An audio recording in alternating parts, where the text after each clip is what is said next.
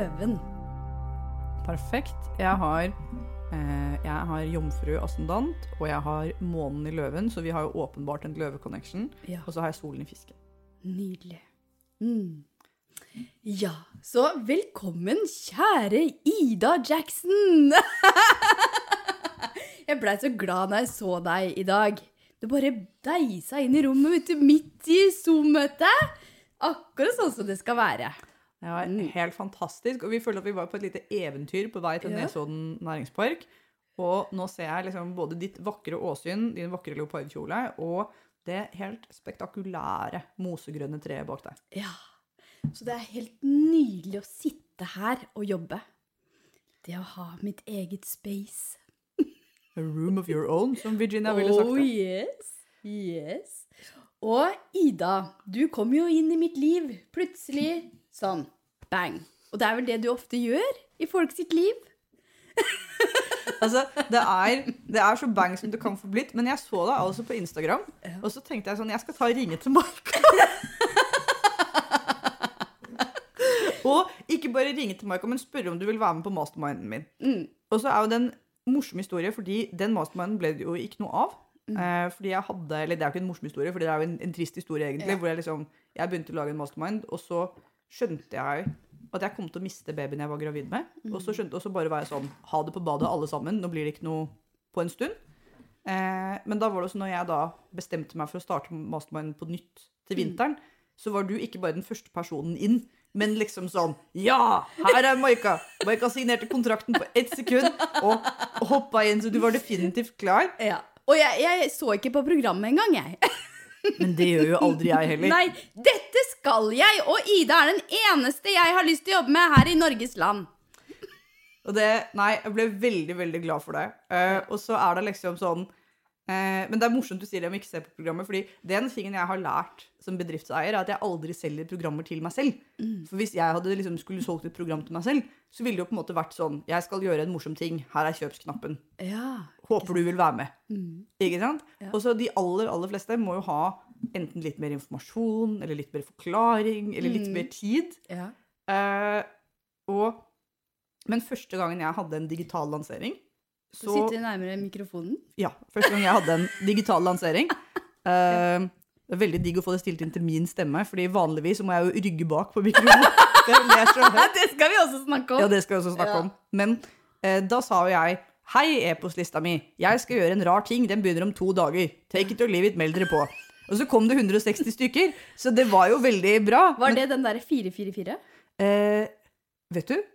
Om det, var, om det var på den 444, det er et godt spørsmål. Jo, jo, det tror det var det. Jeg tror det var det. Jeg tror det ja, var det. det, det la jeg merke til. Det var ganske Ja, det var veldig kult. Det var veldig morsomt, Mm. men det var jo også en ting hvor Hva skal jeg si ehm, ehm, Jeg har jo liksom Når jeg da liksom gikk tilbake og reviewed det senere, så var jeg sånn De aller fleste har ikke lanseringer som varer i ett døgn. Nei. Dagen de fant på at de skulle ha lansering. Og så bare begynner de, på en måte. Ja. Uh, så det Men da er var du i en voldsom kraft òg, da. I en voldsom skaperkraft, ikke sant? voldsom skaperkraft å begynne med en gang. Men uh, det er jo noe av det som har vært morsomst for meg med å bli kjent med deg, er å være sånn Jo, det fins flere som meg. Ja. som er, har en så kjapp energi, Mm. men som samtidig da Det er jo den sånn manifestor-energien hvor du har sånn dobbeltrolle, hvor du bare eh, jeg, jeg tror det var hun som leder Manifestia Community, som sa at når du er manifestor, så er du liksom alltid Bilbo i Hobbiten. Mm. Som er sånn Ja. Enten så er jeg hjemme og drikker te i fred, Mm. eller så drar jeg på et helt sinnssykt eventyr og slåss med en drage på en, Ja, en dags det er varsel. veldig morsomt, for dette her snakker jeg om så mye inni disse mastermindene mine og gruppene mine. Akkurat den der hobbitreisen. Ja. Ja. Det er, det er veldig kontraster. Veldig. Eh, Mm. så Og du, var det ikke sånn at du eh, Ja, du var på et lite eventyr også gjennom skogen her og gikk deg litt vill? Jo, vi gjorde det. Vi gikk oss litt vill her i sted, Merita og jeg. Um, Og det er et lite eventyr. Det er det. du utforske. Men, men det er også en sånn ting som eh, Det er også veldig gøy når man jobber forskjellig energi. fordi på Nå skal vi ha eh, På bedriftsprogrammet så får vi besøk av Analogt i Oslo i juni. Simone Graciol og Mekoshi Nisher, som er liksom mine to Det er helt fantastisk. eh, internasjonale mastere. Mm. Men da hadde jo da en av de som jobber for meg på teamet som jobber med planlegging, hadde Mm. da et møte med en av de som jobber for Mekoshi på planlegging. Ja. Og hun Petra til Mekoshi, da, som er admin der, hun var litt sånn, hun bare ja, er ikke det rart at verken Ida eller Mekoshi er stresset over at de ikke vet hva de skal gjøre når Mekoshi kommer til Oslo? For Ja. jeg syns jo det hadde vært litt stress å reise jorda rundt til noen jeg ikke vet hvem er, og et sted jeg ikke har vært før, uten en plan. Ja, men Det hadde ikke jeg syntes var stress i det hele tatt. Nei, Og det var litt sånn som du kom her. Herregud, jeg aner ikke. Hva skal vi snakke om? Men det kommer akkurat sånn som det skal. Det blir Ja. kjempegøy. Men- sånn det skal være. Men det er en av de superkreftene som jeg har tenkt på at liksom, når man altså, Ok, her er en tese jeg har. Jeg har en tese om at folk ser ikke talentene sine. Mm. Fordi talentene våre kommer så fort og så lett at veldig ofte så tenker du sånn Andre er jammen trege. Ja. Eller hvorfor fikk du ikke til det på første Ja, forsøk? Jeg får alltid til det på første ja. forsøk. Eller hva er det du somler med? Mm. Eller eh, Og så tenker du liksom de tingene, for du ser ikke at ok, grunnen til at jeg gjør dette så fort, er fordi her har jeg et stort talent som jeg ikke har et ord for. ja, det er bare energi. Ja. Mm. Mens vi er veldig, ofte veldig klar over hva vi ikke er så flinke på. Mm. Fordi der har vi ofte opplevd at liksom sånn, ok, her kjører vi oss fast. Som Eller å sette inn i oppvaskmaskina. Ja. Klarer du det? Altså, det er morsomt, for jeg tror at hvis, hvis mannen min skulle ha en sånn baksnakkefest med et par av mine sånn mest OCD-venninner, Ja. så ville nok Ida setter inn i oppvaskmaskinen vært et tema. Det er det hjemme òg. Og det er liksom Jeg klarer det ikke. Jeg skjønner ikke hvordan det er mulig å sette inn riktig i den Eller riktig, da. Nei. Ja. Så ja. Det er ofte en sånn gjenganger har vært i mange år hjemme hos oss. Hvordan sette inn Hvorfor, hvorfor setter du ikke inn oppvaskmaskina på den måten? Nå har det blitt sånn at han, ha- min kjære Stig, han hører på denne podkasten. Hei, Stig. Ja. Han bare tar ut, uten å si noe, tar han det litt ut av oppvaskmaskina, og så setter han det inn igjen. Ja, dette gjør Jan med meg òg. Nå føler jeg bare det, det, men, men det er noe med sånn ikke sant? Så det vet du at liksom, OK, Ja. det er ikke, that's not your Det er ikke der vi har talentet vårt. Nei. Det er det ikke. Men veldig ofte så er så, så et av mine talenter har jeg funnet ut av, og jeg leter et godt norsk ord for dette, men det, jeg tror det er den sånn evnen til å hoppe ut av flyet og strikke fallskjermen på vei ned. Yes! Wow! Ja. Godt beskrevet. For det er veldig mye sånn bedriften din har blitt til, ikke sant? At ja, ja. du bare Mm. du, du, Jeg aner ikke. ja, men du hadde jo en Boka di handler jo på en måte, på en måte sånn Hva skal jeg si for noe? Maika prøvde å være en vanlig person. Ja, Til slutt ga du opp det. ja jeg ga det opp, og da ga jeg opp på dagen. Så du måtte ta den vanlige personen. Nå sier jeg opp, og så bare eh, selger vi huset, og så flytter vi til fjells. Ja. Det var det som skjedde. Så kom vi tilbake igjen. den store omslaget. Ja, store omslag. Nei, fordi um, altså jeg føler at en av de tingene som jeg har Altså et av mine privilegier her i livet, er at jeg aldri har levd som vanlig person. Mm. Eh, og det betyr jo på en måte at det har vært mange ting i livet mitt som har vært vanskelig. Ja. Men det betyr at jeg aldri har hatt det store skiftet. Så har jeg fortsatt liksom Jeg tror på en måte at en del av meg alltid har villet veldig, veldig sterkt Mm. passe inn som vanlig person. Så jeg har jo Ja. gitt opp en del sånne uh, Jo, det var en av, tingene jeg, en av tingene jeg er veldig dårlig til, er å kjøre bil. Mm. Ikke fordi jeg er en dårlig sjåfør, men jeg er en veldig nervøs sjåfør. Jeg blir veldig, bruker veldig lang tid på å stresse meg opp for å kjøre, og så roe ned egget etterpå. Ja. Og så på et tidspunkt så var det en venninne av meg som sa til meg Ida, hvis du hadde brukt like mye energi på å, som du har brukt på å liksom, lære deg å kjøre bil og kjøre bil, Mm. på å stifte et taxiselskap, så hadde det vært Norges største taxiselskap nå. Mm. For det er mye lettere for deg å stifte taxisentral ja, det enn det er det. å kjøre bil. Ja, ikke sant? Eh, Kjenner meg igjen i. ja, Mm. Ja, og det var det øyeblikket hvor jeg var sånn OK. Eh, bare liksom Min drøm om å være en sånn selvhjulpen, mid, flink middelklassedame som kan kjøre barna rundt mange steder. Mm. Og så var liksom sånn Hun bare Kan ikke du bare lære den personlige assistenten din å kjøre bil? Og, jeg bare, og på dagen så begynner Ingeborg å jobbe hos meg. Hun bare Ja, det er liksom kanskje litt irrelevant informasjon eh, for denne jobben som handler mest om internett, men jeg har også vært yrkessjåfør, og jeg bare Oi, ja, da har du mm, manifestert jeg har det bestilt inn. Jeg har bestilt en yrkessjåfør, tenk! Hun bare Ja, jeg pleide å kjøre den sånn Oslo bysykkel-sykkelbil. Bilen. Ikke sant? Som kom liksom dronning i lukeparkering i Oslo, liksom. Um, så jeg er bare sånn hired. Det var Wow, nå- det var liksom det utslagsgivende. Og jeg- bare kom på en ting nå, fordi jeg er i Jølster hvert år på Tai Chi retreat. Ja. Eh, og så er det sånn at da eh, Jeg har ikke kjørt dit enda, Nei. og jeg har ikke tenkt å gjøre det heller, for jeg sitter på. Men når vi skulle kjøre tilbake, så satte jeg på med en generator. Ja. Og jeg ble så imponert, for den generatoren klarte å kjøre hele veien fra Jølster til Oslo uten å ta pauser. Ja. Eh, og det hadde ikke jeg klart. Jeg bruker eh, veldig lang tid på å komme meg fra et sted til et annet. Også fordi at det plutselig stopper. Og, og oi, her var det skikkelig fint, og kanskje vi skal ta noen bilder her. Eller at det plutselig tar en kaffe. Eller så trenger jeg faktisk å sove litt og slappe av litt. Ja. Og så plutselig har jeg brukt veldig mye mer tid enn den her generatoren. Ikke Ja, sant? som til og med kanskje har lada batteriet Yes. på å liksom kjøre forbi. Ja. Den har tatt mange spennende forbikjøringer vet du, Ja. hele veien. Ja, ja, ja. så Ida, bare fortell litt, for jeg syns det er så spennende med deg, siden vi er den samme energitypen. ikke Ja. sant? Og det var jo egentlig noe av det første vi begynte å snakke om òg. Å Ja. ja. du er manifester, du. Ja, det er jeg òg. Ja. Jeg bare, jeg bare, jeg bare behandler annerledes enn alle andre. Fordi jeg bare liksom, en måte, Enten så vil Michael med meg, eller så sier hun nei takk. Men uansett Ja. så kommer hun ikke til å bli sur. Hun Nei. kommer til å skjønne hva slags pitch dette var. Jeg skjønte det veldig godt. Så, men, men når var det du oppdaga dette her? For, dette, for meg så har det vært veldig sånn ny era, det her å oppleve at jeg er den typen. Ja. Ikke sant? Og hvordan jeg skal operere, hvordan jeg skal drive bedriften min, f.eks. Ja, hvordan oppdaget du human design? Det er interessant. Ja, eh, Du husker det ikke engang det. vet du. Jo, jo, men det var faktisk en eh, som begynte å fortelle meg om det. Som Ja. trodde at jeg var prosjektor. Og så bare hæ, nei, det var jeg i hvert fall ikke. Det stemte ikke, for jeg hadde sett feil på klokkeslettet. Eh, Ja. Men eh, eh, han er en som hadde studert det faktisk i 25 år. Det er veldig morsomt. Ja, det er veldig spennende. Så vi satt på en hytte og studerte da mitt kart. Og det var jo så, Du kan gå så i dybden på det, og vi så på filmer fra han Ra Uruhu, ikke sant, Ja. og lærte masse. Mm. Fordi Det er eh, tre, og- tre og og et halvt år siden. tre og et halvt år siden. Mm. Ja, ikke sant. Det er gøy.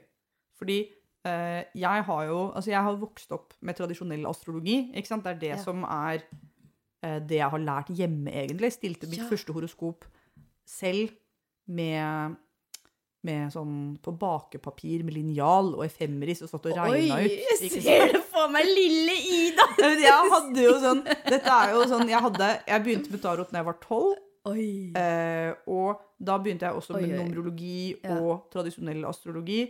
Og, Og det er jo veldig gammelt, ikke sant? Det er jo veldig spennende. Da. det er veldig Ja. gammeldags, veldig spennende, Ja. men også da på en måte veldig sånn eh, holdt jeg på å si konservativ visdomstradisjon. Ja. Så da hadde jeg også masse grimorier og drev og førte inn og ordna i min tradisjonelle Ja. magiske praksis, som Ja. er fortsatt veldig levende. Ja. Men det var nok sånn at første gang jeg hørte om human design, så var jeg sånn Det hørtes veldig moderne ut. Jeg er en tradisjonell astrolog. Yes. Takk skal dere ha. Mm. Men i 2020 så hadde jo jeg et veldig spesielt år hvor um, Holdt jeg på å si eh, Det var liksom et av mine sånn deilige fritt fall-år. Ja. Hvor vi dro til Vi skulle bo i USA et år. I Berkeley. Oi, ja. Men så kom jo pandemien, og så Mm. skjønte vi 28. mars at vi må nok reise hjem Mm. mens det fortsatt går fly. Så dere var der, ja? Vi var i Mm. Berkeley, Ja. eh, og på det tidspunktet så hadde jeg Statens kunstnerstipend, og så hadde jeg regna feil, så jeg trodde jeg Mm. hadde Statens kunstnerstipend i juni. Men så viste det seg i mars 2020 at da gikk stipendet ut.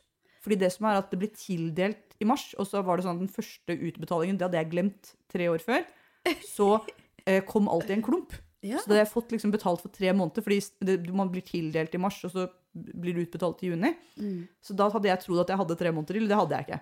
Så da var jeg sånn, jeg bare, ja, nå er jeg i USA, og vi, eh, og jeg har ingen, plutselig ingen penger. Mm. Eller liksom, det var ikke ingen penger, men det var liksom sånn smopp. Eh, og eh, Helena og jeg hadde jo da en boklansering, vi hadde en bok som skulle ut 12. mars 2020, og vi hadde Oi. linet intervjuer på det intervjuet i Aftenposten Mm. og Dagens Næringsliv, og så ringte de fra Aftenposten 12. mars og så sa som dere kanskje skjønner, så er det ikke dere som er hovedsak i dag. Og Helena og jeg bare, ja, det skjønner vi jo egentlig, faktisk, at det ikke er oss, det går bra. Men, så det var liksom sånn, eh, så det var da jeg var sånn, ha, jeg har jo vært blogger alle disse årene, og kanskje jeg skulle Mm. begynne med noen ting. Ja. Eh, på Skru egen... på stemmen din enda Skru Ja, opp stemmen hva, mer. hva skjer enda hvis jeg begynner med sånn digital produkt? Visste ikke Ja. helt hva det var, men liksom, så Mm. da hoppa jeg ned i et sånt Digitalt produkt. digitalt produkt. Ja. Prøve det. Jeg setter opp et kassaarbeid, det blir spennende. Um, så uh, spol to måneder frem. Ja. Eh, så hadde jeg hatt min første lansering, og da fikk vi 160 kunder på. Så da tenkte jeg at det er jo for mye mennesker for at jeg kan håndtere alene. Var det heksesirkel? Det var første utgaven av Heksesirkel. Mm. Eh, og da var det Så da fikk vi 160 på.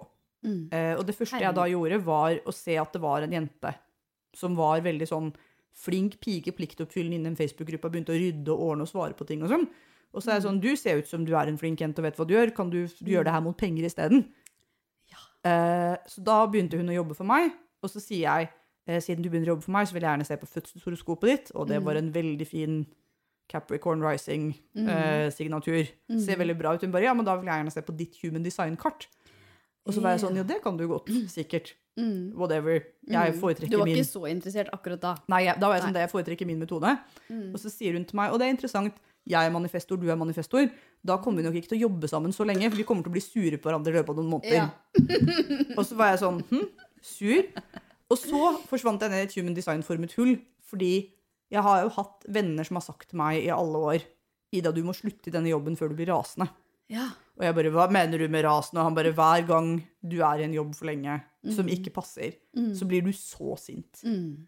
Og jeg bare sånn Jeg kan sikkert skjerpe meg på det og bli mindre sint hvis jeg bare blir jo ikke mindre sint hvis jeg gjør de tingene jeg ikke vil. Det blir helt banan, liksom. Mm. Mm, så eh, når jeg hadde den aha-opplevelsen, så var det veldig morsomt fordi du kan jo si at altså med det jeg kan gjøre med astrologi, er at jeg kan liksom si sånn ehm, Jeg er temmelig sikker på at det kommer til å skje på den datoen, det kommer til å skje på den datoen, og det kan skje på den datoen. Men jeg syns at human design er et utrolig mye bedre verktøy for å beskrive en person. Mm. Sånn, ja, men Ja. hvem er du? Yes. Istedenfor hva skal skje. Mm. Så det er gøy med liksom sånn Ja, og den kombinasjonen òg er jo så fantastisk. Ja. Og jeg husker du sendte meg lydmelding. Ja, jeg gjorde det. Og det var helt nydelig! Og det var en sånn deilig kombinasjon av astrologi Maika, hør her. og så var det først litt om Jupiter og Ja. eh, astrologi, og så var det rett på human design. ikke sant? Så den kombinasjonen der var også så gull. At du har den kombinasjonen av begge deler. Jeg, altså, sånn som på en måte, altså, det er jo sånn jeg tenker og planlegger hele bedriften. Så Mm. Ja. jeg syns det er veldig gøy nå at nå går jo vi inn For du har Nå går jo vi inn i en uke med så utrolig mye tyraktivering. Ja, ja, ja. Altså som kommer nå. her er også smaragden. Det er tyrens stein. Yes. Yes. Jupiter inn i tyren, nymoen inn i tyren, tyrparty denne Mm. uka her, liksom. Så selvfølgelig skal jeg komme på podkasten din Ja, på det er Maikas uke. perfekt! Maikas uke. Ja, og liksom Altså, men eh, Men det er noe med sånn Det er måten jeg ser verden på, men det å finne ut av Jeg tror Og så er det sånn at jeg tror at Altså, det er jo Human design er døråpnende for alle, Mm. men jeg tror at særlig for manifestorer så er det liksom en sånn the missing piece. Virkelig. Sånn Ja. hvordan Hvorfor er du så rar? Jeg bare Ja. OK, ja, Mm. ikke sant, det er det her. Ja. Ja, ja, ja. Eh, men det er også noe med Fordi hvordan opplever du dette med liksom, det å ha en aura hvor folk ikke kan gjette på hva det er du driver med? Hvor ofte får du høre at det var plutselig, eller Ja, det er veldig ofte. Ja. Ja. Hva er det du driver med nå? Ikke sant? Eh, men der er det jo også det der med å Og jeg syns at det har vært litt vanskelig, det å fortelle hva jeg driver med. Ikke Ja. sant? Og det øver jeg fortsatt på. Men det er jo veldig vanskelig å sette ord på det. Ja. Eh, fordi ofte så vil jeg bare være i fred med mine greier inne på rommet mitt. Og holde på og, og skape ting og være kreativ. Ja. Og da er det sånn ikke forstyrr. Geniet arbeider. Og Ja. det sto det faktisk med stort klistremerke på rommet mitt da jeg var liten. Ikke forstyrr geniarbeider. Ja, men det er liksom altså, men, men, men det er sånn Mm. eh, men, men det er den med tingen med, med å ha Altså fordi Jeg pleier å tenke at det å informere Ja. for manifestorer er jo ikke en naturlig ting. Nei, det er ikke det. For generatorer så er det å respondere det er digg. Mm, mm. Men- ja, da blir du jo kjempegira og glad. Ja, mens Mm. det å informere er jo ikke altså, Det er jo det å initiere som Mm. er naturlige ting for manifestoren. Det er bare at det er lurt å informere de andre først, så de ikke blir stalka. Ja. Men det glemmer vi ofte, fordi vi er så langt foran der. Ja. Ikke sant? Og holder på med greier, og så er det mange som har falt av på veien. Ikke Ja, sant? E- Ha- e- Eller bare liksom på en måte gruer seg til neste gang du finner på noe sprell. Ja. Eh, Jeg kjøpte jo et kurs med av Sofia Gruer seg. Ja, men jeg, jeg, jeg, hadde sånn, jeg kjøpte et kurs av Sofia Amarusa som heter Business Class. Og det er jo liksom hele brandingen er jo på en måte at du skal på en flytur. Ja. Så den første tingen du får når du kjøper, er at du får liksom tilsendt et liksom-boarding-kort på mail. Mm. Og jeg har jo da en personlig assistent som heter Ingeborg. Hei, Ingeborg. ja, hun er skikkelig kul, da. Hun er superkul. Ja. Men Ingeborg ringer meg da liksom Hun bare 'Hva faen er det du har kjøpt en flybillett som går 1. mai?' Du skal ikke fly noen steder, og vi har masse ting planlagt på 2. mai! Og jeg bare slapp av, Ingeborg, det er et kurs. Hun bare OK, men det kunne ha skjedd. Det kunne ha skjedd! Men, men dette her er interessant, Ida. For dette, nå er det sånn Det er veldig morsomt med deg. For dette, Ja. du har jo fått meg til å søke Eller jeg har ikke engang sagt det. Eller hør, da. Hvor Ja, skal jeg starte nå? Ja. Fordi eh, jeg trenger jo hjelp i bedriften min. Ja. Og så har vi sammen kommet fram til at det jeg trenger, er faktisk en som står Og faktisk disse tarot- tarotkorta viser også at jeg skal ha noen som står ved roret. Mens jeg er ute og gjør raid. Ja. Ikke sant? Det er du som er captain Jack Sparrow. Noen må passe på Noen må passe på båten, faktisk. og, så, og så har jeg faktisk sagt Dette jeg er jo ennå ikke ferdig med den stillingsannonsen, for jeg holdt på med boklansering. Ja. Ikke sant? Så jeg er bare fokusert på det der. Ikke sant? Og så, Men jeg har sagt det i en podkast, og jeg har sagt det i en livesending.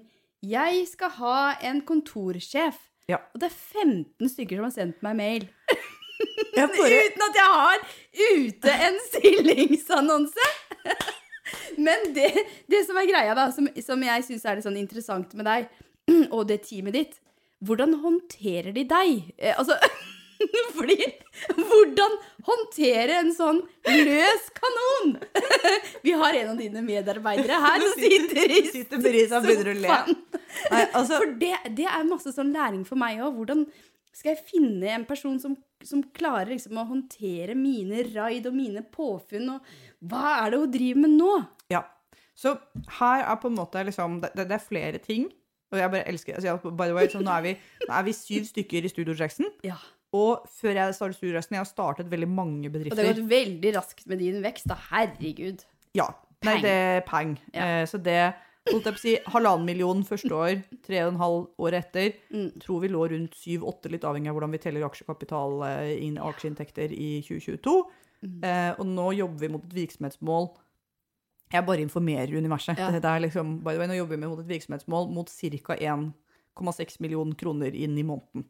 Oi, oi, oi. Så det er liksom, så det er på en måte eh, Men før jeg begynte med online business, så har jeg jobba masse med startups og med byrå og med organisasjon og med pengehenting og lobby og styreorden. Så jeg har jo ansatt mange folk før, og jeg har ansatt erstatter for meg før.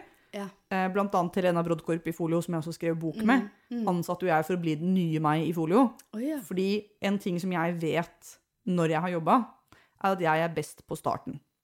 Ja, og det, det er jo sånn det er også, Ja. På energien, og det kjenner jeg meg veldig godt igjen i. Det er bare sånn eksplosjon, Ja. ikke sant? Og jeg tenker noen ganger at altså hvis du tenker at din relasjon energetisk til noen du har lagd, Mm. varierer avhengig av energitype. Mm. Eh, Så hvis du tenker at eh, når du er manifestor, så har du en veldig tynn tråd mellom deg og det du har lagd, Mm. som betyr at du begynner å kjede deg mye fortere enn alle andre, Ja, ja. og du går lei mye fortere enn alle andre.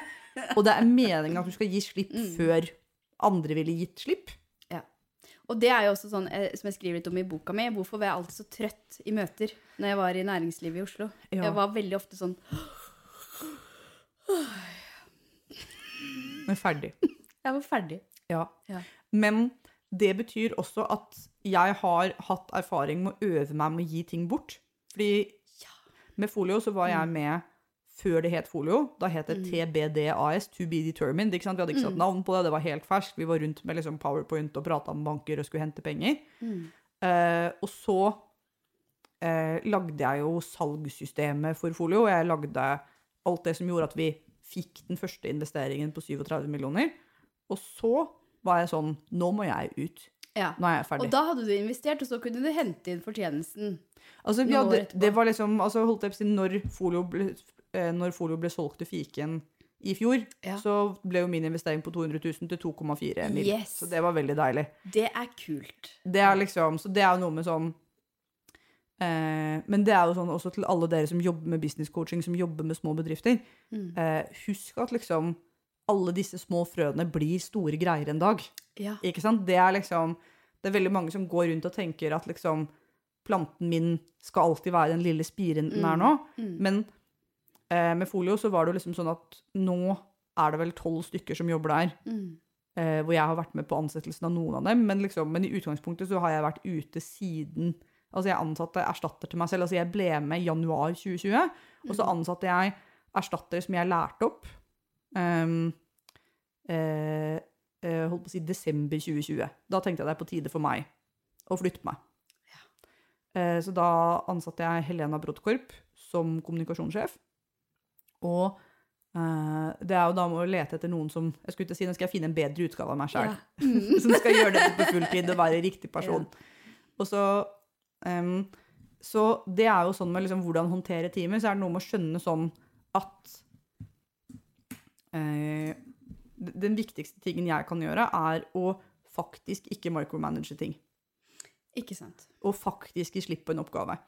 Så den tingen som jeg liker å skille mellom i hodet mitt, er hvis du ser for deg at du har en Bring-sjåfør, Mm. som er dessverre en av de yrkesgruppene vet du at jeg jobba i Bring? ja, Du har jobba i Bring, vet du? Ja, ja, ja. Posten og Bring. Post og Bring, ja, Mm. gud bedre.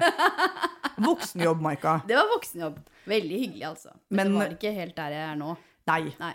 Eh, fordi eh, Altså, jeg er så nølete på å se det. Egentlig så snakka vi om hvordan håndtere Ida. Ja, hvordan håndtere Ida? Fordi altså, liksom, å holde styr på en løs kanon. Og Ja. nå, nå løste jeg kanonen overalt. Men, jeg, men, jeg- men jeg, liksom for å komme til back on track, hvis du tenker en Bring-sjåfør, ja. så får de en oppgave som er du skal ta denne pakken til Ja. denne destinasjonen. Yes. Og hvis den personen ikke er hjemme eller det ikke går, så får du bare levere den til postkontoret. Mm. Um, og det er jo sånn at den sjåføren har ingen mulighet til å løse oppgaven annerledes eller problemløse underveis. De skal bare følge oppskriften og Mm. Kjøre bilen. Mm. Og hvis ingen er hjemme, så tar ikke de og på en måte banker litt ekstra på vinduet, eller ringer en Nei. ekstra gang, eller skriver en Mm. lapp, eller ringer på hos naboen, eller ting man kunne gjort da, Ja. for å løse problemet levere pakke. Mm. Men det har de ikke mandat til. Mm. Eh, men det du vil at de ansatte skal være for at de kunne håndtere en løs kanon som deg, Mm. er at de skal være som eh, badevakten på Frognerbadet. Ja. Du lærer dem opp til å kjenne igjen sånn ser det ut når noen drukner. Og hvis de da faktisk ringer deg, ringer sjefen på Frognerbadet helt plutselig og sier du, da er det noen som driver og bopper opp og ned her og kaver og veiver med armene og sånn. Syns du det høres ut som at de drukner? Så gjør de ikke jobben sin. Ja. Ikke sant? De har mandat til å hoppe i vannet. Yes. Og være heller føre var. Og hvis, det, Mm. måte, altså, hvis de worst case har hjulpet en person en gang for mye, så er det bedre for Det er mye bedre. Ja. Mm. Så det å tenke at du utdanner liksom Når du skal ansette, så skal du ha selvleda folk. Mm. Hvor du sier at her er mine ansvarsområder, her er dine ansvarsområder. Mm. Når jeg gir den fra meg, så gir jeg den faktisk fra meg. Ja. Eh, sånn Daglig leder på Frognerbadet sjekker ikke eh, om liksom på en måte badevakten eh, tar avgjørelsen riktig. Mm. Ikke sant? Man trener for å ta riktig avgjørelse. Så det er noe med å liksom Veldig mange har mm, vonde opplevelser fra arbeidslivet med å ha for lite makt Mm. over oppgaven sin. Mm. Men heller ikke alle er klar for å ha en oppgave hvor du faktisk får makt. Mm. Så det er jo morsomt. Nå skal jeg liksom snakke om Merita. Hei, Merita. Merita sitter her og filmer. Det Men- reels. Men det er jo sånn at Merita Når vi snakket om sosiale medier først Mm. Fordi Merita poster jo både på Instagram og, Og nå er etter hvert på TikTok. innholds... Innholdsprodusent. Ja. uh, og da snakket vi om sånn OK, må vi Fordi vi var liksom sånn Må vi ha en posteplan? Fordi jeg har posta på Instagram i 1000 år. Mm. Pleier egentlig aldri å ha en posteplan. Merida også poster, men bare pleier heller ikke egentlig å ha en posteplan. Og så var jeg sånn OK, men jeg kan lage et mandat som heter 'bruk intuisjonen din', ja. og prøv ting. Det er jeg veldig for, og det handler også om energi. Ikke Det- sant? det Fordi jeg det. pleier ikke å planlegge ting eller legge ting klart i loopen. Fordi jeg er liksom der i øyeblikket, da. Ja, Mm. og, og jeg tror jo dette er sånne ting som jeg har drevet og tenkt på med sånn hva er løs kanon, Mm. og hva er det å være, det var morsomt du sa det med raid, hva er det å være faktisk sjørøverkaptein? Ja. Fordi hvis du hadde sett for deg at du var Napoleon da, Mm. nei, eller la oss si du var admiral Nelson da, Mm. ikke sant, som skal eh, ha et stort sjøslag. Mm. Så er det sånn, hvis du har lagt en, liksom en fireukersplan Mm. for hvordan det sjøslaget skal se ut og spille seg ut, Ja. så kommer du til å tape. Mm. Men dette her er litt sånn De gangene jeg har solgt masterminds, Ja. sant? så er det nå har jeg holdt fire Ja. i løpet av det siste året. Da er det sånn at jeg bare Litt sånn som du gjorde med meg. Ja. Altså, jeg bare ser for meg den skal være med, den skal være med, den skal være med, den skal være med. Og så skriver jeg ned på en liste og sier det høyt. Og så bare eh, inviterer jeg det inn. Ikke sant? Og det har vært en sånn derre eh, Ikke noe sånn eh, strategi for en lanseringsplan i det hele tatt. Det er bare energi. Altså det Ja. er en sånn energi der som jeg må følge. Det er akkurat som jeg bare er i en sånn herre flyt, da. Ja. i den perioden. Og så bare Ja, da skjedde det, gitt. Det skjedde, det skjedde. De er med, de er med. Ja, selvfølgelig. Og hvis det er noen som tviler da Ja, men du er jo med. Jeg ser jo du er i den gruppa. Ja, er liksom, sånn, du skal jo være med. Ja, ok, da. Ja, Ja, ja, ja. men, men, men, men det er jo også altså, men, dette her er en ting med liksom, hvordan håndtere den løse kanonen. Fordi altså, Ja. Min første sjef var en kvinnelig sjef som Ja. var veldig veldig intuitiv. Og det Mm. føler jeg er en sånn gave å ha hatt. ja. Eh, så jeg husker at hun, hun snakket om den første hun ansatte, var en personlig assistent og kontorfikser. Mm. Eh, I tillegg til meg, da, som skulle være hennes rare svigerbror i salg og 'Hallo, Ann-Marit. I love you'. Eh, men, men hun var litt sånn at det jeg trenger, er noen som fanger ballen når jeg kaster den. ja. Som er flink til å liksom, på en måte sånn, hive seg rundt Ja. når jeg sentrer. ja. Um, og uh, Så det jeg liksom tenker, er at bedriften min er veldig systematisk, veldig ryddig, veldig Mm. kjedelig. Veldig mye av det vi gjør, er veldig forutsigbart og kjedelig med vilje. Mm. Fordi innenfor de kjedelige, forutsigbare rammene så kan vi gjøre utrolig mye sprell. Og dere har jo veldig gode systemer på ting. ikke sant? Og når jeg har spurt om kan jeg få en mal på kjøpsbetingelser, ikke sant? så er det sånn Men jeg får det ikke fra deg, ikke sant? Nei, du får den fra Elise, som Yes. sitter og har nerda på Altså, for Den første jeg hyra i bedriften, er da Elise Otterlei, som er genius på de tingene Mm. jeg ikke kan. For de som er nerd på human design, så er jo hun en manifesting generator. Som ba, det er bare emotional center som ikke er definert. Så hun er en sånn trippelsplitt ja, ja. Oi, oi, oi. Trenger masse påfyll, da. Ja, og bra å ha en stor Yes. kundegruppe Mm, å henge veldig, fingra i. Veldig bra. Um, men definitivt liksom sånn uh, kjapp. Mm. Men, uh, men det er jo noe med at men jeg har testa masse forskjellige folk for å komme inn og jobbe, og det tror jeg Mm. er en sånn ting som Men det er da på en måte liksom noen som kan plukke opp ballen, men også da noen du kan faktisk gi hele oppgaven til og si 'denne Mm. kan du finne ut av'. Og det må jo være veldig godt òg, kan jeg tenke meg. Altså, jeg I de fleste tilfeller så håper jeg at det er godt for folk. Ja. Jeg vet også at det er skummelt for folk, fordi det Mm. er noe med at liksom Da kommer jo ikke jeg og sier 'ja, men det var riktig og bra' Mm. så mye heller, fordi liksom nå har du eid den. Mm. Men det er jo en sånn ting som eh, men, men jeg tenker veldig ofte på selskapet som skip. Ja. At hvis du tenker at du hadde vært den som sto på dekk Mm. på natta i et ekte seilskuteskip med lord Nelson, Mm. så er det jo ikke sånn Og jeg lurer på om det er et isfjell. Mm. Eller jeg lurer på om det er en storm, men jeg trenger å ha et lappemøte og forankre. Og jeg må se på strategidokumentene vårt og kopiere. Er liksom, jeg ringer i bjella nå, Mm. Ja. liksom. Det er det jeg gjør. Det har liksom, altså, så det er noe med en sånn um, uh, Så uh, på Men det er klart at den tingen som jeg vet er mest krevende med å jobbe med meg, er at uh, jeg endrer kurs veldig fort. Dette er Mm. tilbake til Ja, skipsmetaforen. ja, ja. Men det er også en sånn ting hvor de fleste eh, trenger holdt jeg på å si, lengre tid på å bestemme seg for å implementere. Mm. Og det er liksom den sånn tingen med at samtidig så vet jeg at storparten av grunnen til at det har gått dårlig med andres firmaer som jeg vet om, er at folk sitter for mye og diller og vet hva de burde ha gjort, Mm. og så gjør de det ikke. ja. Mm. Så det er det med å handle. Ja. Ja. Og, og Mm. handle når, som du sier, liksom inspirert handling, jeg vet Mm. hva vi skal gjøre. Mm. Men, men det er gøy du sier den sånn hvordan du har solgt masterminden. fordi så gamle sjefen min pleide å ha en lapp hengende på kontoret hvor det sto I have a strategic plan. It's called doing things. Mm. ja. ja, det er jo det det handler om. Ja. Mm. em, og så tror jeg på en måte at Men på det med å bygge team og bygge organisasjoner, så er det sånn at jeg tror ikke egentlig at du kan være manifestor enmannsmaskin Nei. Resten av resten av Mm. livet. Så det er vel Mm. noen grunn til at jeg tok kontakt med og det er liksom alle manifestorer og alle prosjektorer Mm. trenger team før resten. Ja. Eh, det som, altså Generatorene og MG-ene treffer jo ofte når de jobber som gründere. Så treffer de et Jeg liker å kalle det for et generatorplatå. Mm. Hvor du er liksom Jeg har klart å gjøre alt. Jeg elsket yeah. alle oppgavene. Jeg jobba, jobba, jobba, jobba. Men til slutt er det bare fysisk umulig å jobbe mer. Mm. Og du kommer til å trenge å sette noe bort. Og det har jeg sett hos noen generatorer. Ja, du ser de kommer til den. Jeg ser de er der. Mm. Eh, Mens liksom Men det er jo spennende nå med hvilke folk du trekker til deg. Og hva som skjer med bedriften. Fordi hvis du skulle uh, dra en sånn Har du noen Altså, hvordan ser, hvordan ser det opp i hodet ditt, Maika? Har du noen galskapens visjoner for de neste fem åra? Eller er det liksom en sånn Holdt jeg på å si at du, at du venter på den ga... Ja, fortell! Bare share, share. Inform the universe. Yes! Fordi jeg skal ta verden. Eh, og det er som Ja. Det er som i Elias sier. Se her.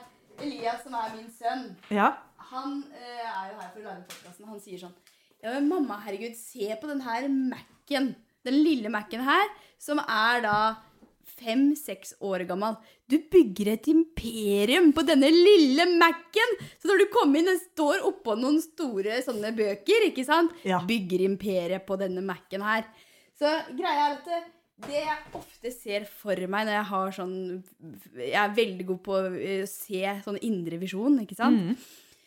Så er jeg Så har jeg bygd en stor bedrift.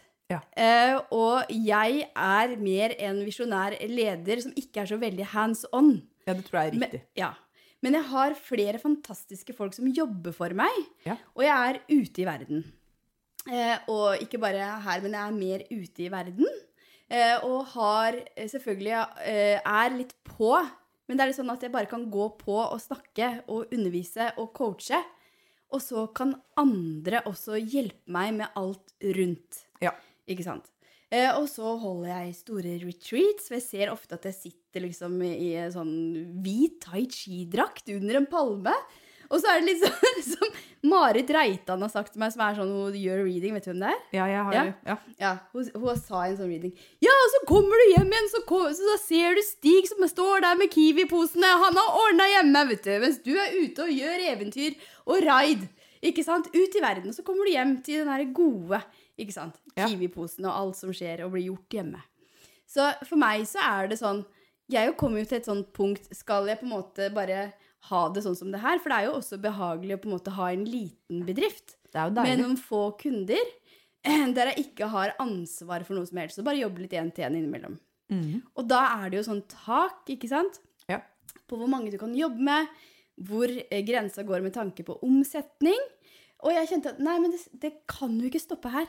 Jeg skal vokse mer, jeg skal mer og mer ut, ut, ut, ut, ekspandere ut, ut, ut. Så den visjonen min er veldig stor. Ja. Den er kjempestor. Stor, stor, stor. Men, så, Så- så du er midt i nå, egentlig da midt i sånn holdt på å si fødselsarbeid, med liksom utvide identitet Yes. og bli Ja. en annen. Ja, å herregud, nå får jeg helt gåsehud, da. Ja. Ja. Men, men det er noe veldig interessant med den sånn kapasiteten på Ja. hvem det er Yes. vi ser for oss at vi skal bli. Mm. For det er jo liksom Jeg føler at det er veldig mye av det som eh, alle i masterminden står i ulike mm. sammenheng med den sånn identitetsutvidelsen. Yes. Og så er det en sånn Det er jo arbeid som jeg Altså, jeg, jeg føler at jeg ikke driver har drevet, med noe annet, men, eh, men det er jo sånn med eh, eh, For det er jo sånn på en måte med grad av løs kanon og hjelpeløshet. Ja. Altså, jeg har jo kjent så mange som har jobba rundt mannlige toppledere, som er mm. så mye løsere kanon enn deg, og så mye mm. gærnere og gjør så mye Ja. villere ting. Ja. Så det er noe med du har fortsatt liksom holdt hele denne bedriften hele veien. Og ja, Ja. du er kjapp, ja, du Ja, gjør ting ja, ja. fort, men det er fortsatt liksom Mm. Altså eh, holdt jeg på å si, Det er jo veldig sjelden du liksom Hva skal jeg si, for du drikker deg drita og gjemmer deg for familien i en Ja. busk. Men jeg liker veldig godt å, å gjemme meg, da. Altså, Ja. eh, Fordi jeg har jo også en toer, vet du. Ja, du har toer. Er du ja, 6-2, eller er du Ja, 6-2. Ja, ikke sant? Så Og- du skal inn i en enda større fase. Det er veldig gøy. Ja, eh, og, og nærmer meg 50. Nå er jeg 45. Eh, akkurat fylt 45. Men det som er litt sånn interessant, er fordi jeg har ofte tenkt på hvorfor er det sånn at jeg, når jeg er på fest, så blir jeg sånn Herregud, nå må jeg gå på do og så eh, gjemme meg der. Eller plutselig så vil jeg bare dra. Ja. Eh, og jeg hadde en fest i fjor som faktisk var masse folk hjemme hos oss. Og da gikk jeg faktisk og la meg på min egen fest. Jeg gikk inn og bare la meg i jula mi, mens de andre bare fortsatte festen. Fordi jeg bare kjente Og nå har jeg virkelig bare fått nok. Eh, og noen ganger så er det sånn at jeg bare må gjemme meg litt. Ja. Ikke sant? Så det er veldig sånn kontraster der, og det har vært veldig sånn Å ja, det er derfor, ja. Ikke sant? Det er den toeren. Det er den toeren. Det er veldig gøy, for jeg har også en, jeg har også en toer. Jeg er 5-2. Ja. Uh, så det er Men, uh, men det er noe interessant med den sånn, altså, for jeg er helt sikker på at det gjemme seg-rommet fins og kan fins. Ja. Uh, også når bedriften vokser. ja. For men, det er jo også viktig. ja, Mm. men det handler også om å være veldig klar at du faktisk også, når du skal få deg kontorsjef, Mm. så skal du også sette bort oppfølgingen av de andre. Mm. Og, og det å tenke at nå skal jeg bygge en bedrift at, og, og det å tro på, da. For det er jo en sånn ting som jeg føler at er et sånn Jeg skal ikke si et kvinnelig gründerproblem, men, altså, men du jobber jo med masse spirituelle gründere. Mm. Mm. Og da finnes det jo en skygge der som er sånn Jo, men hvis jeg ikke eh, overjobber og lider Ja. litt. Fortjener jeg Ja. ikke å få penger for mine Mm. åndelige gaver? Ja, ja. Det har jeg hørt. Ja. Um, Ja. Og hvis jeg ikke liksom på en måte, Det er jo min energi som er Mm. produktet, så hvis ikke jeg går rundt og på en måte gnir energien min i hele Dette er interessant, for dette har jeg hørt fra flere. ikke sant? Og det er jo sånn Nå har jeg noen fantastiske eh, assistenter. Bedre flyt, hallo. Eh, de er bare helt nydelige. Helt Yes. perfekt, ikke sant? Eh, og, og der er det også sånn at det er utrolig deilig å, å bare sette bort ting. Ja. Eh, men da er det jo også litt sånn for meg eh, For eksempel nå har de sendt ut flere e-poster Mhm. eh, som de har hjulpet meg med. Eh, og hjelper meg også inne i gruppa, ikke sant? Og Ja. det har vært litt sånn overgang for meg å bare OK, la de få gjøre det, for det er jo ikke meg, Nei. sant? Så, så det der å også kunne eh, bare tillate det, da. Ja. Tillate det. Og, og Mm. jeg tror på en måte at noe av det handler om å tenke Huske at bedriften din Det er veldig morsomt. Ja. Du skal stille, kanskje du skal stille Human Design-kart for bedriften din. Ja! Eh, fordi bedriften din er jo også sin egen energi og sin Ja. egen entitet. Det er veldig, veldig sant. Eh, så, og det er jo også litt eh, poenget mitt med det jeg skulle si med det her, Ja. da, er jo at eh, hvis jeg skal ut da og ekspandere mer ut, så må jeg også tillate at bedriften ikke bare er meg. Ja. Det er en energi i seg sjøl, Ja. ikke sant? Som sprer seg ut i verden. Ja, og, eh, og det er også en form for overflod i det at Mhm. liksom sånn Yes, nå som dette vokser. For det var en sånn ting som Jo, nå skal jeg bare snakke om flere sånne skyggeting som jeg ser, da. Ja. så det er ikke bare hos åndelige folk, men det er jo Vi er jo veldig velsignet, Marka, med en overflod av snille, hjertestyrte, eiegode kunder Mm. som vil verden vel, Ja. og som også veldig gjerne vil at dette skal gå på en måte hvor det i hvert fall går i pluss for dem, da. Mm. Ikke sant? Mm. Men hvor det liksom er skummelt og vondt å ønske seg for mye penger. ja. Fordi liksom det er jo litt slemt. Mm. Eh, Eller de skal gi, ikke sant? Fordi stakkars ja, de skal gi masse til Redd Barna. Mm. Alle liksom hver eneste gang.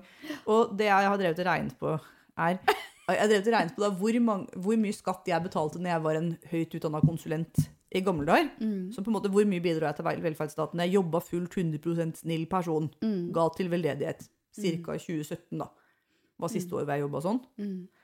Eh, og så hvor mye skatt som kommer fra meg og mine samlede selskaper i fjor. Mm. Og jeg tror på en måte at liksom bare mitt bidrag personlig og for selskapet til velferdsstaten Norge i fjoråret som gikk, er litt avhengig av hvordan vi regner skatt, arbeidsgiveravgift, selskapsskatt, Mm. momsskatt på utbytte og partytime. Minimum 4 millioner kroner. Eh, Mm. og jeg eh, liksom, Og da har jo ikke vi gitt noe spesifikt til Redd Barna, da, kan Nei. du si. Men når Mm. folk sier ok, men det snille er å jobbe 100% og tjene kanskje 700 000 i året, og gi Mm. 10% av inntekten sin til en veldedig organisasjon, Mm. så betyr jo det at du på en måte betaler At du liksom genererer skattepenger for ca. 300 000, og så betaler du 100 000 til veldedighet, så 400 000 er jo ordentlige Mm. penger. Mm. Men hvis du hvis satt på spissen, da, hvis du hadde bygd et lebb på Made-imperium, Ja. hvor du bare Altså, holdt jeg på å si Ikke noe åndelig komponent. Ja. Altså, du, du Mm. forsøpler ikke noe i verden, liksom, men på en måte du har lagd en lipsyl, folk liker Ja. den, Ja. og du selger den til liksom omsetter 7-8-9 millioner for den i året, Mm. så bidrar du jo fortsatt en mye større komponent Mm. med skatt og inntekt og hele veien inn. Så det er liksom noe med at den fortellingen vi har om at eh, når det vokser og blir mer penger, så blir det også mer skurk.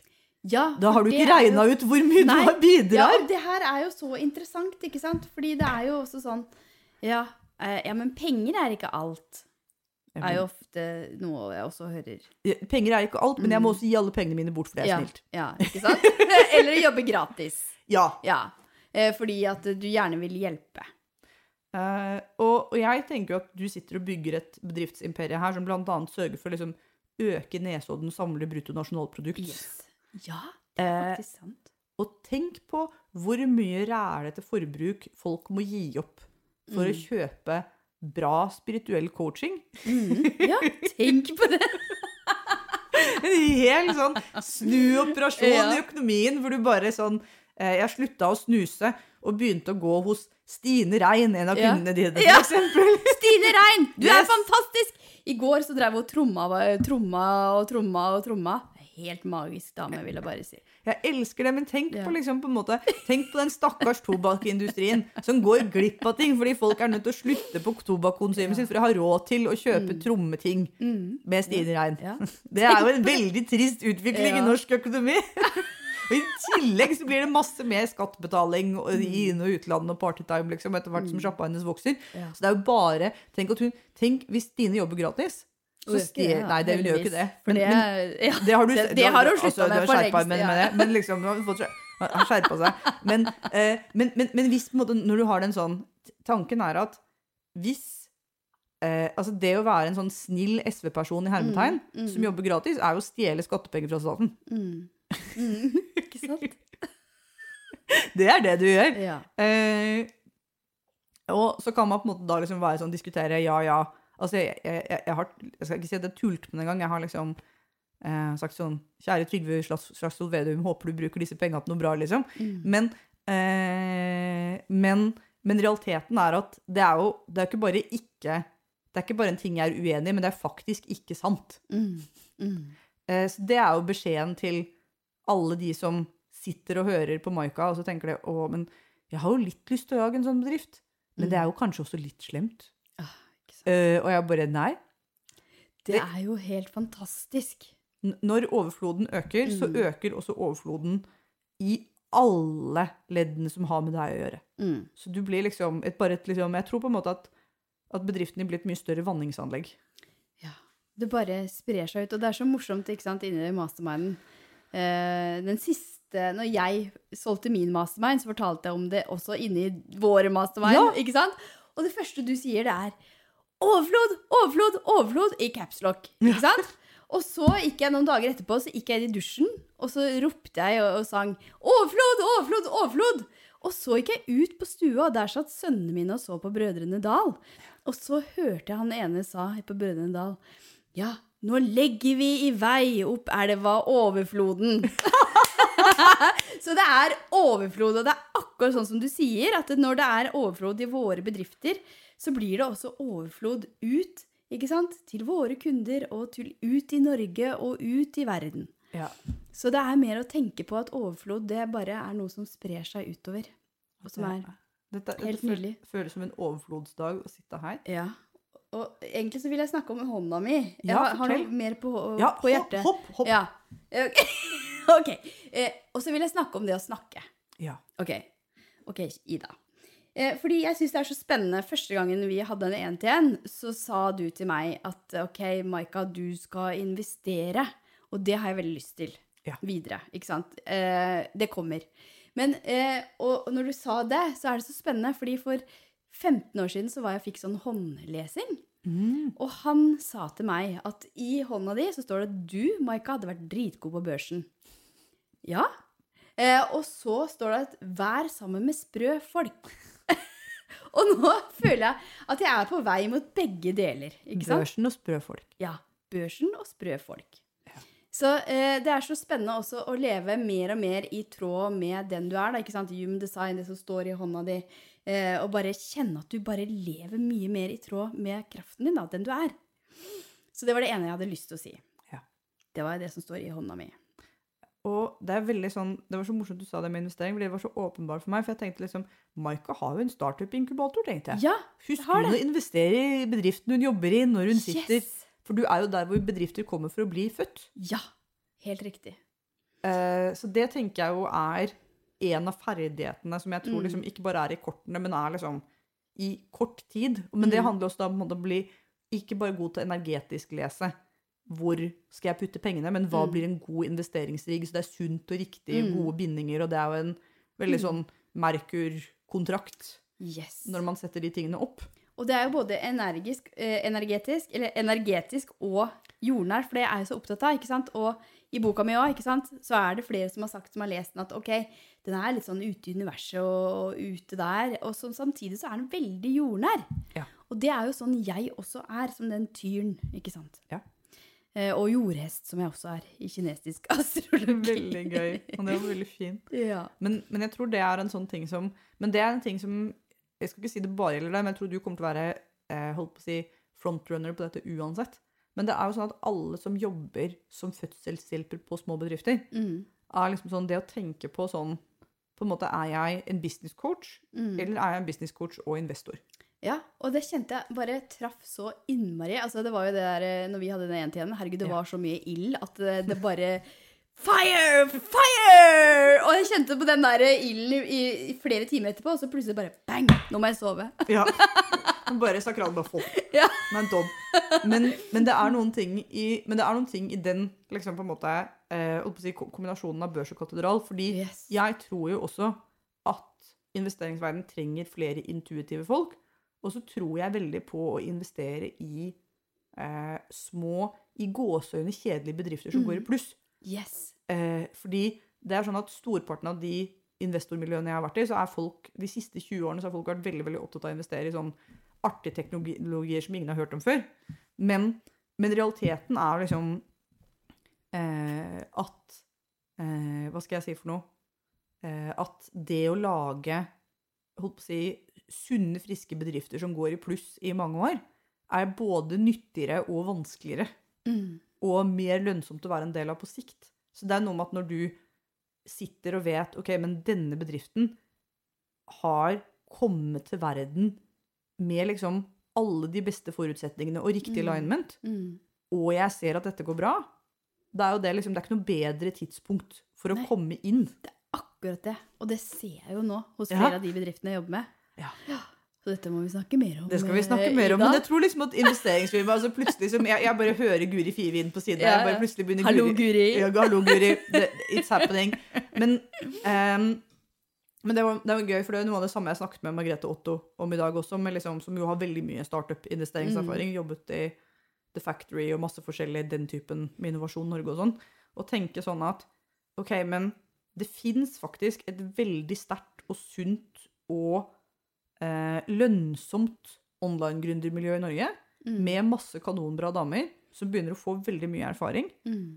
Så hva skjer med norsk næringsliv når de damene kommer seg ut av obskuriteten Mm. og ut av følelsen at ja, vi er på en måte bare en gjeng på internett her som Ja. sitter og liker hverandres innlegg, Ja, liksom? Hva skjer da? Det blir spennende. Ja, det blir gøy på en Og du har jo også, årskonferanse. og det liker jeg også så godt med din visjon, da, ikke sant? at du virkelig vil løfte opp disse kvinnelige gründerne. ikke sant? Ja. Jeg vil ha 25% flere kvinnelige gründere, og så vil jeg ha 7500 nye årsverk i kvinneeide bedrifter. Og det tror jeg er helt realistisk i de Mm. tallene vi har, Mm. og hvor bra det faktisk går med folk. Ja.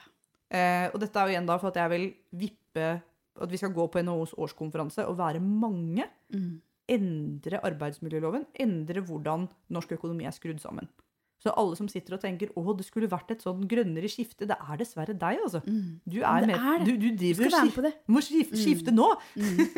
Nydelig. Ja. Og Ida, eh, jeg, jeg bare passer på tida, for du skal jo ikke, prøve å ikke gå deg vill nå etterpå.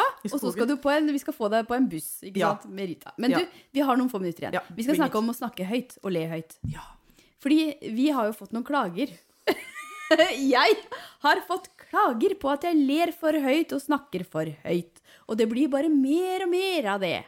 Ja. Har du opplevd dette også? 800% Jeg har til og med blitt kasta ut fra steder for å snakke for høyt Ja. og le for høyt. Ja, for det skjedde med meg her en dagen. Ja, At det kom en person bort til meg når jeg satt på kafé og snakka veldig høyt. Og den personen sa 'Du snakker så høyt'! og da følte jeg at jeg fikk sånn voksenkjeft. Ja. Ja. Og det kjente jeg var litt sånn mm, Det likte jeg ikke helt. Men jeg gikk og satte meg ut, da. fordi alle de av oss som har Dette blir sånn human design-nerding igjen, men alle vi som har, er manifestorer eller manifesterende generatorer, Mm. har jo ikke bare et definert halssenter, men vi har motor på halsen. Og det er ingenting som er så sterkt, og noen ganger så upopulært, som en dame Mm. med motor på stemmen. Ja. Mm. Og eh, det er en sånn ting som jeg har liksom, Nå har jeg bare lagt om hele arbeidslivet mitt til at liksom, jo, det skal være plass til at jeg er akkurat så bråkete som jeg er. Mm. Fordi det er også sånn at når jeg sitter og skriver, så sitter jeg ikke og skriver, jeg sitter og skriver mens jeg synger. Ja.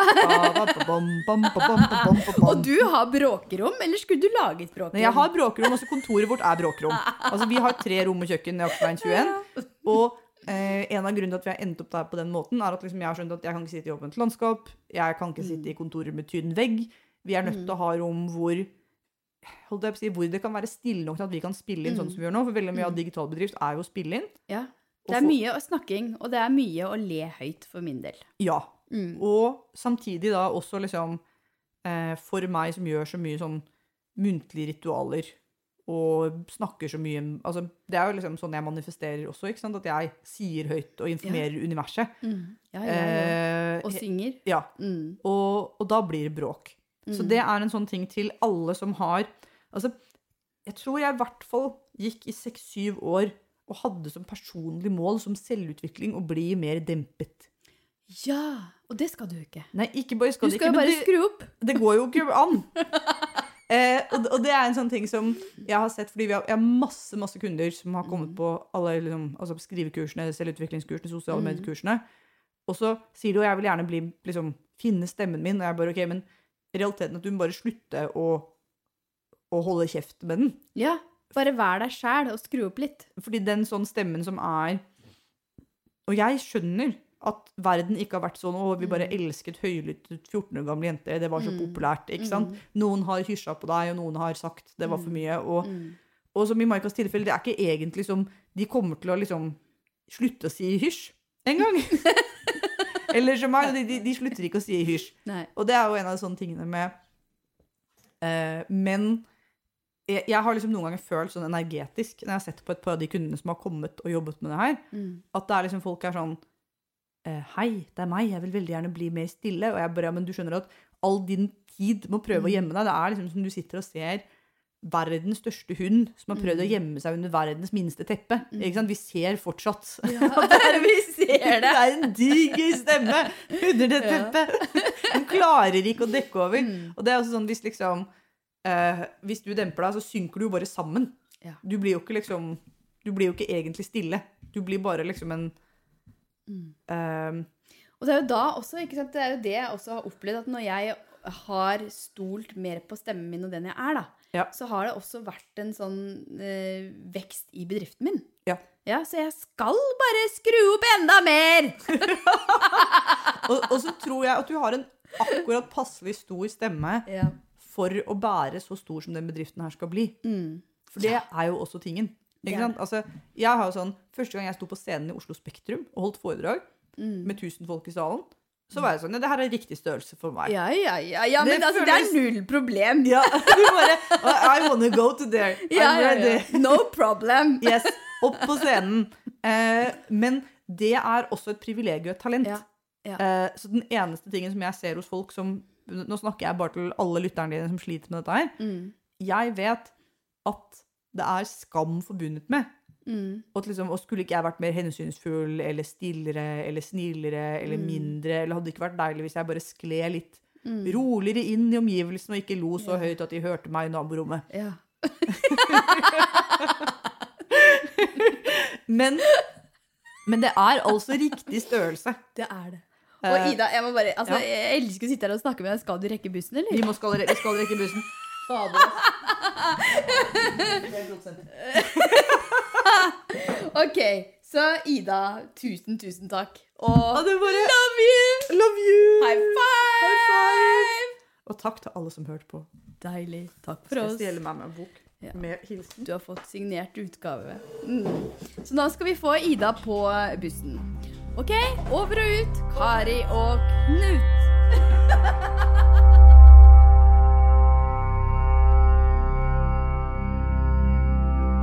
Sjelfull Businesspodden er produsert av Rask Produksjon for Maika AS.